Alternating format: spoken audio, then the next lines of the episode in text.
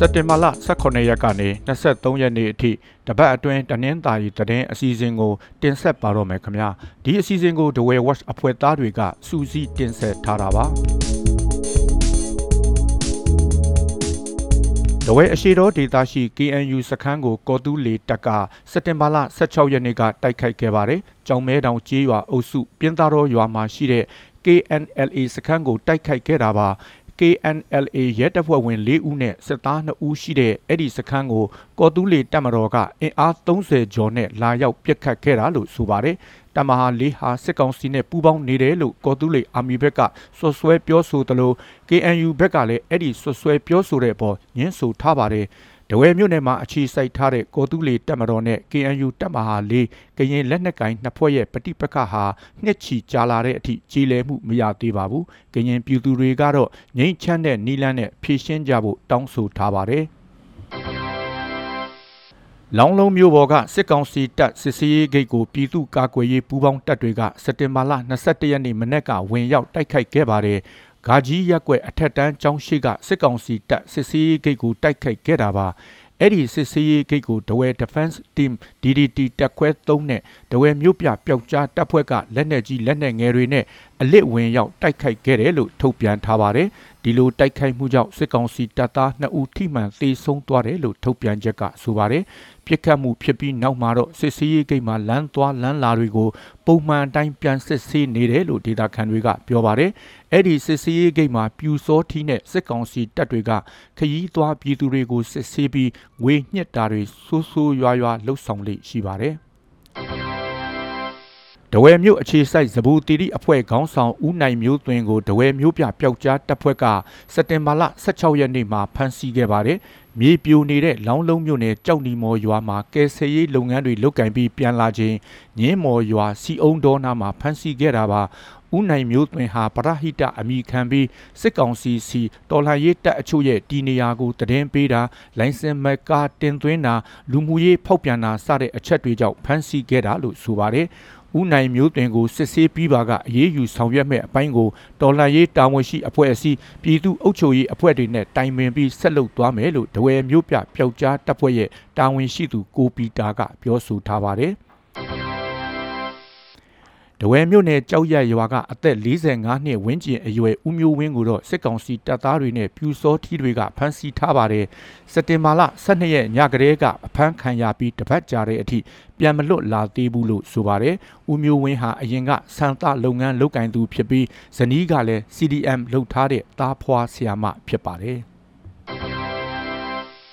DDPC နဲ့အန်နဝါလွှမ်းကုမ္ပဏီပိုင်ရှင်ဦးခင်စိုးကိုစစ်ကောင်စီကဖမ်းဆီးစစ်ဆေးပြီးရက်ပိုင်းအကြာမှာပြန်လွတ်လာပါတယ်။ရန်ကုန်မြို့ဗဟန်းမြို့နယ်ဝင်းသားမီယာမှာရှိတဲ့နေအိမ်မှာစက်တင်ဘာလ10ရက်နေ့ကဖမ်းဆီးသွားပြီး9ရက်အကြာမှာပြန်လွတ်လာတာပါ။ အန်နဝါလွှမ်းကုမ္ပဏီနဲ့ငါးဖမ်းလုပ်ငန်းလုပ်ကင်နေတဲ့ဒဝဲသားဦးခင်စိုးဟာ2011ဦးသိန်းစိန်အစိုးရတက်လာပြီးတဲ့နောက်ပိုင်းနိုင်ငံတော်ပိုင်73စီအယောင်းဆိုင်အများအပြားကိုလုပ်ကင်ခွင့်ရခဲ့ပါတယ်73စီလုပ်ငန်းရှင်ဦးခင်စိုးဟာနောက်ပိုင်းမှာ DDPC အများပိုင်ကုမ္ပဏီဥက္ကဋ္ဌအဖြစ်တာဝန်ယူလုပ်ကင်ခဲ့ပြီးဒဝဲနဲ့မောင်းမကန်ကမ်းခြေမှာ73စီဆိုင်ဈေးဝယ်စင်တာဟိုတယ်တွေကိုစီမံလုပ်ကင်ခဲ့ပါတယ် သူဟာလက်ရှိစစ်ကောင်စီခတ်တနင်္သာရီတိုင်းဝန်ကြီးချုပ်ဦးမြတ်ကိုနဲ့လည်းရင်းနှီးတဲ့ဆက်ဆံရေးရှိသူဖြစ်ပါတယ်အထွေထွေကုံစည်းနှုံကြီးလာတာကိုထိန်းကျောင်းဖို့ဆိုပြီးစစ်ကောင်စီကကော်မတီတွေဖွဲ့ပြီးကြက်မှတ်နေသလိုတစ်ဖက်မှာလည်းစီးပွားရေးလုပ်ငန်းရှင်တွေကိုဖမ်းဆီးစစ်ဆေးနေပါတယ်တဝဲမြို့နယ်ကတဝဲအထူးစီးပွားရေးဇုံဧရိယာကိုစစ်ကောင်စီတပ်ကစစ်ကြောင်းထိုးလာလို့ ဒေသကာကွယ်ရေးတပ်တွေနဲ့တိုက်ပွဲဖြစ်ပွားခဲ့ပါတယ်စစ်ကြောင်းထိုးဝင်လာတဲ့စစ်ကောင်စီတပ်နဲ့ဒေသကာကွယ်ရေးတပ်တို့ခမောင်းချောင်းရွာမှာစက်တင်ဘာလ22ရက်မနေ့ကတိုက်ပွဲဖြစ်ပွားခဲ့တာပါရေနက်စိတ်ကမ်းနယ်မြေကိုတွားတဲ့ရှမ်းလန်းဘော်ရှိကင်နဒါဘက်ကဝင်လာတဲ့စစ်ကောင်စီတပ်စစ်ကြောင်းနဲ့တိုက်ပွဲဖြစ်ခဲ့တာလို့ဆိုပါတယ်တိုက်ပွဲအတွင်းနှစ်ဖက်ထိခိုက်မှုအခြေအနေကိုတော့မသိရသေးပါဘူးစစ်ကောင်စီတပ်ကစစ်ကြောင်းထိုးနေလို့အထူးစီးပွားရေးဆောင်ဧရိယာရှိကင်းတရားနာကရွာတွေနဲ့ဝဇန်တော်ဧကနိခမောင်းချောင်းဝက်ချောင်းစတဲ့ရွာတွေကဒေသခံတွေဘေးလွတ်ရာထွက်ပြေးနေကြရပါတယ်တနင်္သာရီမှာ CDM လုတ်တဲ့ရဲနဲ့စစ်သား80ကျော်ရှိလာပြီလို့တနင်္သာရီတိုင်းပြည်သူ့ကာကွယ်ရေးအဖွဲ့ကစက်တင်ဘာလ18ရက်ကထုတ်ပြန်ထားပါတယ်။အာနာသိန်းချိန်ကနေအခုနှစ်စက်တင်ဘာလ18ရက်နေ့အထိ CDM ဝင်လာတဲ့စစ်ကောင်စီတပ်သား35ဦးနဲ့ရဲတပ်ဖွဲ့ဝင်49ဦးရှိတယ်လို့ဆိုပါတယ်။ CDM လှုပ်လာသူတွေရဲ့ဆန္ဒအတိုင်းပြည်တွင်းနဲ့ပြည်ပရှိဘေးကင်းလုံခြုံတဲ့နေရာတွေကိုပို့ဆောင်ထားပြီးဖြစ်တယ်လို့ဆိုပါတယ်။တရက်ချောင်းမြို့နယ်ကြောက်ဆယ်ရွာကပြူစောထီခေါင်းဆောင်တဲ့ဇနီးဖြစ်သူတို့စက်တင်ဘာလ19ရက်ညကပြစ်တက်ခံလိုက်ရပါတယ် ပြူစောထီခေါင်းဆောင်ဦးတိုးဝင်းဟာဇနီးနဲ့အတူနေအိမ်မှာထမင်းစားနေချိန်လက်နက်ကင်တွေကလာရောက်ပြစ်တက်သွားတာပါဒီလိုပြစ်ခတ်ခဲ့တာကြောင့်ဦးတိုးဝင်းနဲ့ဇနီးတို့တေဆုံးသွားပြီးအကိုဖြစ်တဲ့ဦးတောင်းစိန်လည်းဒဏ်ရာအနှဲငယ်ရရှိခဲ့ပါတယ်သူတို့ကိုဘယ်သူတွေကဘယ်လိုအကြောင်းကြောင့်လာရောက်ပြစ်ခတ်သွားတယ်ဆိုတာကိုတော့မသိရသေးပါဘူးဦးတိုးဝင်းဟာစစ်အာဏာသိမ်းပြီးတဲ့နောက် ပြူစောတီခေါင်းဆောင်ဖြစ်လာပြီးအင်အား30ကျော်ရှိတဲ့အဖွဲ့ဝင်တွေနဲ့ဖွဲ့စည်းနေထိုင်တယ်လို့ဆိုပါတယ်။ဦးတိုးဝင်းဟာအပြောဆိုမောက်မာတဲ့အပြင်ပြည်သူစစ်ကြီးလို့ဆိုပြီးအိမ်တဆောင်ကိုငွေကျပ်8000လာတိုင်းကောက်ခံနေတယ်လို့ဆိုပါတယ်။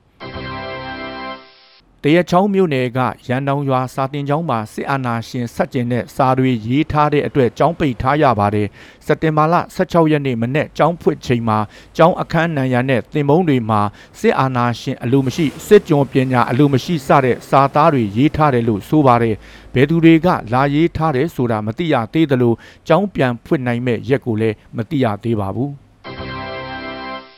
စက်တင်ဘာလ19ရက်နေ့ကတနင်္သာရီမြို့နယ်ဘော်ဒီကန်ရွာဖုန်ကြီးကျောင်းပေါ်လက်နက်ကြီးကျလို့ကျောင်းထိုင်ဆရာတော်နဲ့ရဟန်းနှစ်ပါးဒဏ်ရာရသွားခဲ့ပါတယ်။60မမအမျိုးအစားလက်နက်ကြီးကြီးကြားရောက်ပောက်ကွဲတာဖြစ်လို့စစ်ကောင်စီတန်ရင်ဘက်ကပြစ်ခတ်တယ်ဆိုပြီးဒေသခံတွေကယူဆနေကြပါတယ်။လက်နက်ကြီးအစထိမှန်တဲ့ဆရာတော်နဲ့ရဟန်းတော်နှစ်ပါးကတော့တနင်္သာရီဆေးရုံမှာဆေးကူတာမှုခံယူနေရပါတယ်။စက်တင်ဘာလ23ရက်နေ့ကလည်းတနင်္သာရီအမြောက်တပ်ကပြစ်လိုက်တဲ့လက်နက်ကြီးကြီးဟာမော်တုံးရွာအနောက်ဘက်ကမ်းကဘုံကြီးကျောင်းရဲ့ခေါင်းမိုးပေါ်ကြားရောက်ပောက်ကွဲခဲ့ပူးပါတယ်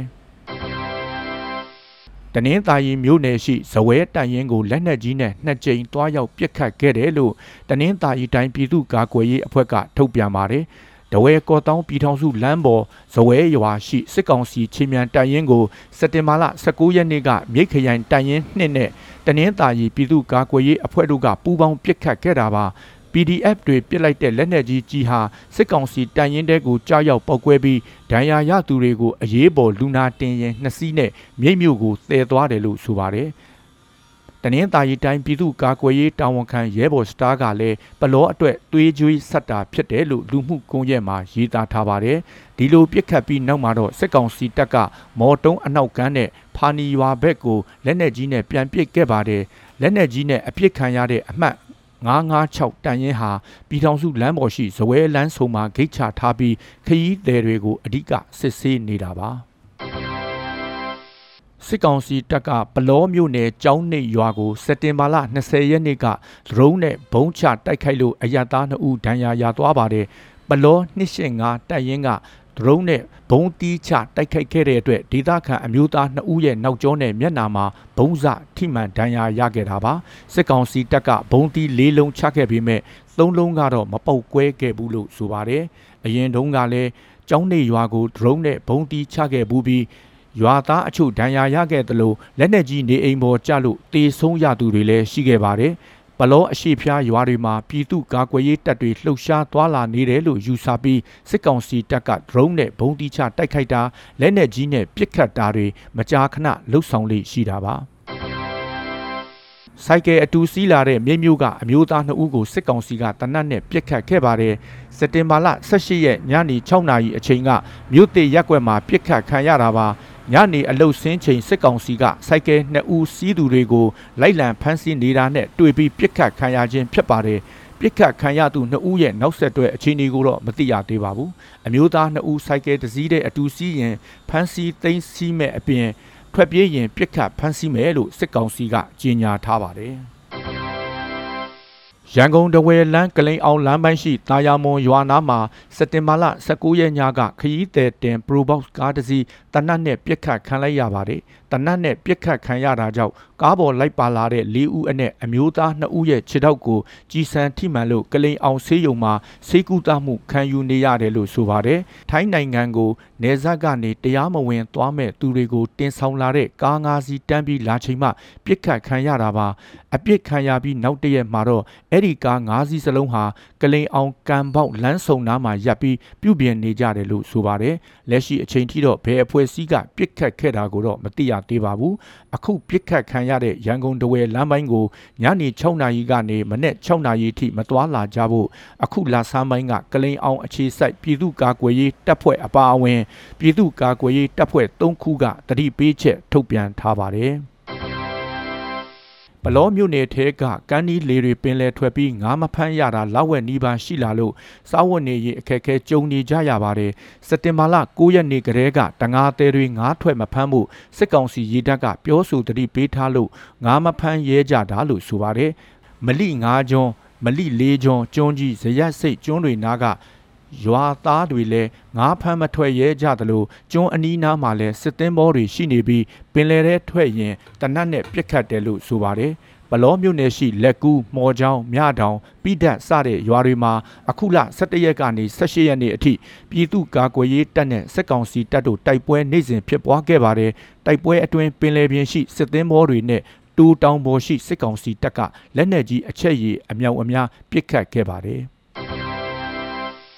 အခုလိုနားဆင်ပေးတဲ့အတွက်ကျေးဇူးအထူးတင်ရှိပါတယ်ခင်ဗျာသောတာရှင်များကျမ်းမာချမ်းသာပြီးကပ်ဘေးအပေါင်းမှဝေးနိုင်ကြပါစေလို့ဒဝဲဝက်ဝိုင်းတော်သားများကဆုမွန်ကောင်းတောင်းလိုက်ပါတယ်ခင်ဗျာ